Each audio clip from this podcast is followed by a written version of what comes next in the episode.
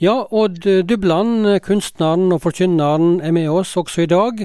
Han vi kaller for Odd i krona, som sitter i krona si, eller kroken sin, og venter på oss.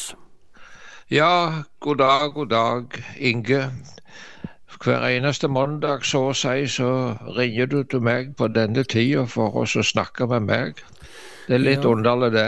Ringer og forstyrrer deg i, i morgenstunda di? Ja, ja. ja. Den er ikke så store forstørrelsen nettopp da, men det er nå litt av en oppgave, da, for jeg skal ha noe å snakke om når, ringer, når, du ringer til meg, vet du. Du, stadig vekk så spør jeg har du noe på blokka di i dag, og så eh, som regel så har det ploppa opp noe? Ja, men nå er det slik at jeg har vært med på radioen, eh, kanskje en, eh, forskjellige radioer i en 20-30 år. Og du vet, eh, det blir nok slik at jeg må ta opp igjen en del av det som jeg har hatt før. For å finne noe nytt hele tida, det er jeg ikke i stand til. Nei, det, det forventer vi ikke heller. Så gjør, sånn må det være. Nei, gjør du ikke det? Nei, vi kan ikke tenke det, altså. Hele veien skal komme. Men, men det går jo an å fornye det som har vært borti før òg, vet du. Ja, kanskje det. Ja. Og så er det vel sånn, du som predikant gjennom mange år, et helt liv, eh, har vel òg en sånn en stor bunke med preiker, og så tar du fram igjen ting du har vært innom før? Ja da, det er både nytt og gammelt. Det må en bruke om igjen en del av det gamle. og det, det er ting som aldri blir gammelt. Det er også så. Ikke sant. Ikke sant. Ja, ja. Du, i dag så skal vi til um, litt historie, får vi si. Uh, jeg sa innledningsvis uh, at når vi snakker med deg i dag, skal vi snakke om, uh, eller stille spørsmålet hva står igjen etter oss mennesker? Og det er jo et stort spørsmål, du. Ja, det er et veldig stort spørsmål, det. Og du vet, det går mest ikke an å svare skikkelig på det, vet du. Men jeg kom til å tenke på noe en gang jeg var i Oslo, og så var jeg i Fognarparken, der i Vigelandsanlegget. Og gikk og så der på dette veldige arbeidet som er gjort. Eh, som Gustav Vigeland hadde ideene og overoppsynet med. Det kommer jo turister fra hele verden for å se på dette. Og eh, ta f.eks. den der store monolitten, vet du. Den som står liksom midt i sentrum der i Vigelandsanlegget. Denne enorme steinblokka som de har hogd ut mange menneskeskikkelser opp gjennom. Det var, det var, tre Altså selve blokka den ble hogd ut ved Hov ved Iddefjorden i 1922. Jaha, du verden. Ja, og så ble den frakta til Oslo på en lekter. Og så ble den ferdigstilt av eh, Gustav Vigeland sine steinhoggerassistenter. Og det var tre stykker der. Det var en svenske som het Nils Jønsson, og en danske som het Karl Kjær, og en nordmann som het Ivar Broe. Og eh, Det er litt rart å tenke på det at det er veldig få som vet om disse som, bygges, som gjorde dette arbeidet. Vi tenker jo det Vigelandsparken det er jo eh, arbeid av, eh, av billedhuggeren Gustav Vigeland? Ja, det er slik folk tenker, men det er ikke sikkert han har hogd så mye sjøl. Men det var, saken er den at dette steinhoggerarbeidet det var faktisk talt litt farlig pga. steinstøv. Og da kunne de få eh, dette ned i lungene, og de kunne få silikose, er det ikke det det heter? Og det er både den svenske Nils Jønsson og dansken Karl Kjær de døde mellom 50 og 60 år. Hmm. Begge to. ja. Nettopp, nettopp. Og de arbeidet på denne steinblokka i 14 år. Du verden, for ja. en utholdenhet. Ja. Og i dette kjempemessige såkalte Vigelandsanlegget så er det 214 skulpturer i steinen og bronse og gjedden. Og det er uh, framstilt 600 personer oppi dette her. Jeg kommer på forresten en liten eh, morsom sak. Nå er det jo slik at uh, disse figurene og skulpturene det er jo av avkledte folk, og de er jo nakne da. Og så var det en guttunge som var med far sin der inne en gang, og så ble han litt overgitt på dette her. Og når de gikk ut, så sier han det til faren at du far, jeg tror ikke vi sier til mor hvor vi har vært henne. Nei, det sa han, ja. Nettopp. nettopp. ja, jeg tror ikke vi sier til mor hvor vi har vært henne. Men eh, som sagt, altså dette flotte anlegget der, det kan ta pusten ifra. Så og eh, så, Mens jeg var der, så begynte jeg også å tenke på akkurat dette her. Hva er det som blir igjen etter oss? Ja, det tenkte du på, altså. Ja, ja. Eh, ja og hva, hva, tenkte du videre? Ja, og da begynte jeg å tenke på far min. Far var ingen kunstner, bortsett ifra det han var litt musikalsk. Men han var bare bonde og produserte mat så folk åt opp. Det er liksom hele livsverket er fordufta. Og jeg tenker på de mange husmødre òg som har vaska de samme gulvene og tok den samme oppvasken til i mange år. Og hva er det som blir igjen?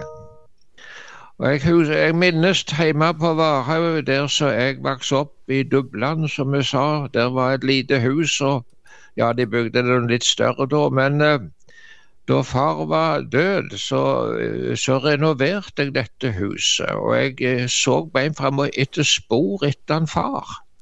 Nei, det fant best ikke. Men så ble det sagt om Gustav Vigeland at han søkte etter livets mening, men han fant den aldri. Hm. Litt å tenke på det. Nå kan det være vanskelig å, forstå det der, da. Men uh, han søkte liksom etter det må være en mening bak det, men fant ikke den. Men tilbake til far. og ja. I, ja, I, 1926, det er lenge siden det er nå. Ja, da skjedde det noe spesielt i, i heimbygda di på Varhaug på Jæren? Ja, det kom en åndelig vekkelse over bygda. Den gikk eh, også over til Vigrestad, litt lenger sør. Og det var en åndelig vekkelse det som berørte hele bygda. Det var mange mennesker da som ble omvendte til Gud, som vi sier. Og hjemme i Dubland, der så jeg vokste opp seinere da, så bodde bestefar og bestemor. Og den eldste sønnen var reist til Canada, men det var tre stykker til, tre ungdommer, deriblant han som seinere ble min far. Og disse hjemme i Dubland, denne flokken der, det var det vi kaller for helt vanlige verslige folk. Eh, ikke-kristne, og det visste de om sjøl òg.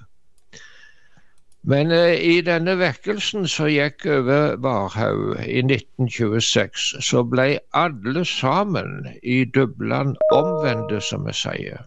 Alle sammen. Jaha. Både, ja. både foreldre og barn, altså? Og besteforeldre. Ja, ja foreldre og, og, og, og barna. Ja. Eller ungdommene, da. Og jeg har tenkt på hva slags stemning det må ha vært i det der lille kjøkkenet og ellers i huset, når plutselig disse folk hadde fått helt andre interesser. Og det var noe mye mer enn å skifte interesser, forresten. Det var noe radikalt nytt som hadde skjedd. For dette var jo tolv år før du var født, Odd. Ja, hva, hva ja. fortalte de om dette her? Hvordan var, var endringene i heimen da? Nei, du vet, far han var musikalsk, og han uh, var dansespiller, han, med trekkspill og greier. Men uh, han, han kasta trekkspillet, faktisk talt, og så kjøpte han en gitar og brukte den på søndagsskolen. Og når han far ble omvendt, som vi sier, så, så gikk det et rykte på bygda at Jon i Dubland, altså. Jon i Dubland. Vi heter i Dubland der borte. Jeg heter Odd i Dubland. Ja, riktig, riktig. Ja. Ja. Han Jon i Dubland har hevet kortstokken. Ja, nettopp, ja. ja. For dette med kortstokken det ble forbundet med at en kunne ja, spille var, seg ifra gard og grunn? sant? Ja, det var noe som kristne folk holdt seg vekk ifra det. Ja, ja. Og Jon har hevet kortstokken, og da visste folk at det her har skjedd noe dramatisk. Og han ble en ny mann. Og når dette med livets mening det kan være som vanskelig å svare på, men det står skrevet det at dere arbeid i Herren er ikke forgjeves, står det i Bibelen. Og så, for å ta med det òg, nå er det kanskje litt personlig det jeg sier, og litt mest litt privat, men jeg var sjåfør den siste natta han levde. Og han var ved bevissthet ei stund da, og så, så spurte jeg han er det noen sang som spesielt uh, står for deg, så du kunne kalle din sang? Ja, det var ikke, det var ikke så høy i røsta, han sa det, men han sier slik Han søkte meg i nåde som gikk på syndens vei. Altså, Han så på det som hadde skjedd, en Guds nåde som han hadde fått opplevd å forbli en kristen. Og så får jeg ta med det også da at når uh, på natta så kom doktoren og skulle undersøke han, og doktoren så det at han nå bærer det mot slutten, og han sa det rett til far, at denne gangen så klarer du det ikke, du kommer til å dø. Og da minnes jeg far, han så doktoren rett i ansiktet, og så sier han 'vannari', sa han. Og Det er ikke alle som forstår det uttrykket der. Ja, hva betyr vannari? Ja, det, ja, det er liksom, ja, det er ikke så farlig, altså. Ja, blås i det. Ja. det. Det er liksom mest som en bagatell, altså. Så det sa han, altså? Det sa, ja, han var, og her er det noe som jeg syns er så viktig. Det, det, vi snakker om å være ferdige til å dø. Det er noe mest som er like stort og kanskje større. Det er å få dø i noe som er ferdig. Det er det frelsesverk som Jesus fullførte på sitt kors. Der skal en få leve, og der kan en få dø. Og så har jeg et veldig uh, fint bibelord som Paulus skriver, så jeg hadde lyst til å gi til folk i dag som føler på det at de er uverdige og sliter med fristelser og synd. Og har håp allikevel om de kunne få ha sin sak i orden med Gud. Der står slik i Romerbrevet 4-5. Den som ikke har gjerninger, men tror på Han som sier den ugudelige rettferdig, han får rettferda tilrekna fordi han tror. Jeg, jeg, har lyst til å lese det der ordet en gang til. Ta det en gang til, ja. Hvor henne ja. sto det, sa du? Det står i Romerbrevet 4-5. Den som ikke har gjerninger, altså den som ikke har noe å rose seg av, men tror på Han, på Jesus altså, som sier den ugudelige rettferdig. Altså det er et sterkt uttrykk, altså. Er det snakk om mennesker som, som ja, ja, det er gudløse. Og så står det 'han får rettferda tilrekna fordi han tror'. Altså den som ikke har gjerninger, men tror på Han som sier den ugudelige rettferdig, han får rettferda tilrekna fordi han tror. Og så et lite sangvers til slutt som jeg syns er så fint. Og det er dette med livets mening, kanskje en kunne si litt om det. Og finner du ham, altså Kristus, og finner du ham, da finner du alt som hjertet kan evig begjære. Da reiser seg atter hvert håp som falt, og blekner så aldri mere.